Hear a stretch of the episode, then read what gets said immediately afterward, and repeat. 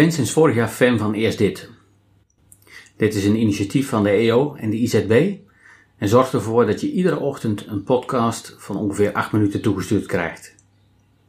Het is voor mij ondertussen gewoonte geworden om die tijdens het ontbijt te luisteren. Het is na het opstaan en douchen zo'n beetje het eerste wat ik doe. Eerst dit.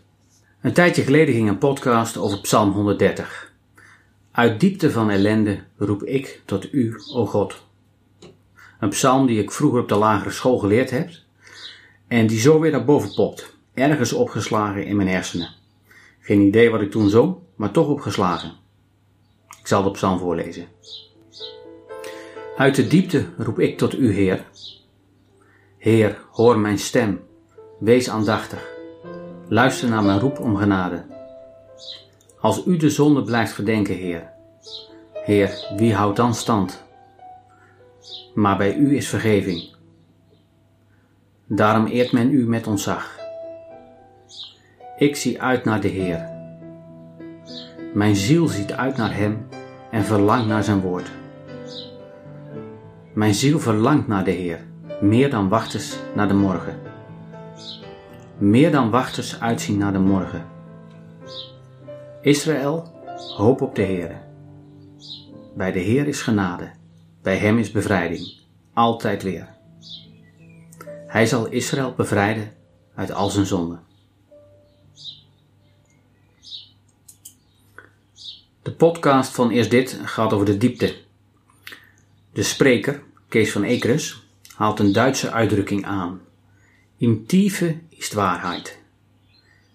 In de diepte vind je de waarheid. In de diepgang.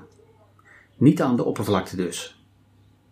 Als je aan de oppervlakte van de dingen blijft als mens, als echtgenoot, als vader, dan kom je nooit tot de waarheid van iets of van een ander. Als je de diepte niet kent, dan weet je eigenlijk niets van het leven, van een ander, of van jezelf, of van God. Dat zie je mooi terug in de film The Two Popes. In de film ontvouwt zich vriendschap door diepgang. Twee totaal verschillende pausen leren elkaar kennen door elkaar de biecht af te nemen. In deze biecht vertelt de ene paus aan de andere dat hij worstelt met het afwezig zijn van God. En de ander vertelt over zijn verleden, waarin hij spijtige compromissen sloot met machtshebbers die levens hebben gekost. In de Bijbel staat dat de Heilige Geest de diepte van God kent. 1 Korinthe 2 vers 10.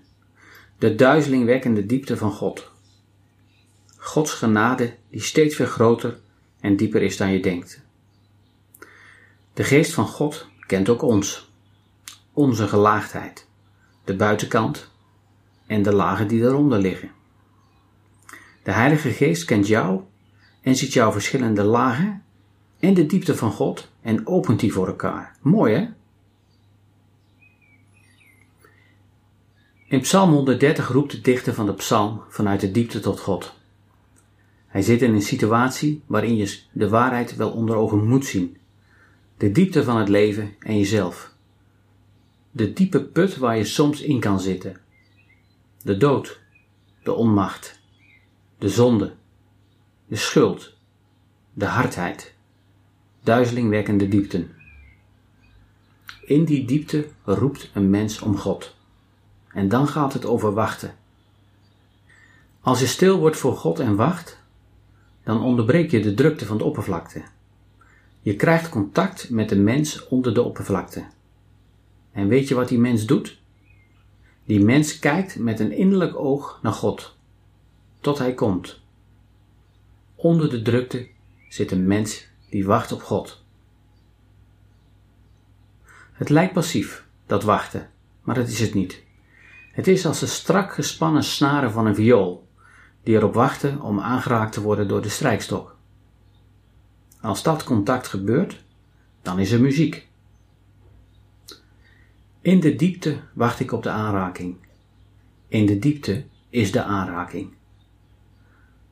Als je in de diepte aangeraakt wordt door een vriendschap, door waarachtigheid, door liefde, door God, dan gebeurt waarheid. Geen aanraking geeft je een leeg gevoel over de dag. Eén aanraking is vaak genoeg. Toen ik deze podcast aan het maken was en deelde met Lian, mijn vrouw, vroeg ze: Heb je dat zelf eens meegemaakt? Ik reageerde: Nee, maar dat zou ik wel graag willen.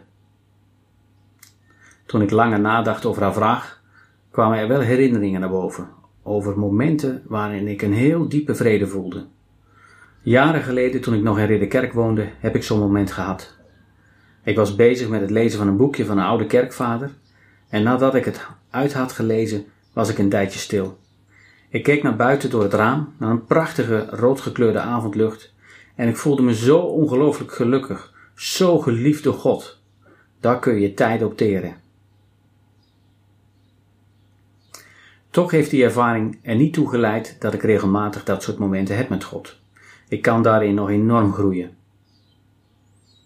In het boek Bid, Luister, Leef van Helene Dekens en Rick Timmermans schrijven ze het volgende over stilte. In de stilte gaat het om een ontmoeting met God en aandachtig luisteren naar Zijn stem. Maar ongetwijfeld kom je eerst jezelf tegen. Allerlei gedachten komen in je naar boven. Het zijn momenten van reflectie over je leven. Hoe reageer ik op anderen? Kan ik loskomen van verslavingen? Durf ik God te vertrouwen? Leef ik goed? In de stilte kun je niet de televisie aandoen of je e-mail checken om weg te vluchten voor onzekerheid, trauma's of leugens. Gelukkig ben je niet alleen in de stilte. Daar waar al die narigheid zichtbaar wordt, is God aanwezig. Samen met Hem kun je afrekenen met kwade machten. En ondanks alles rust vinden in wie je werkelijk bent. Het is een diep besef dat je genoeg hebt aan de genade van Jezus. Rust vinden betekent niet in een hangmat op de Bahama's liggen. Nee, het vraagt om actie en radicale keuzes, want je ontdekt altijd wel iets waar je tegen moet strijden.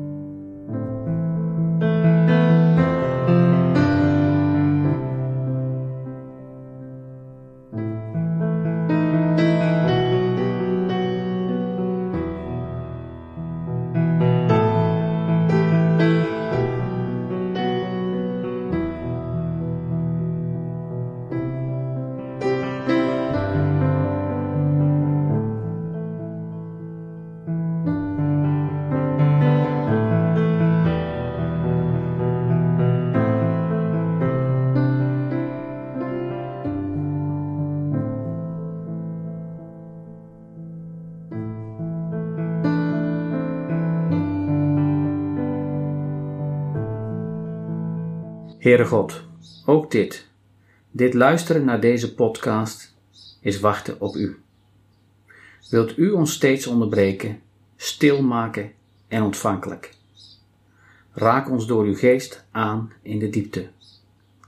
Wij wachten op U. Amen.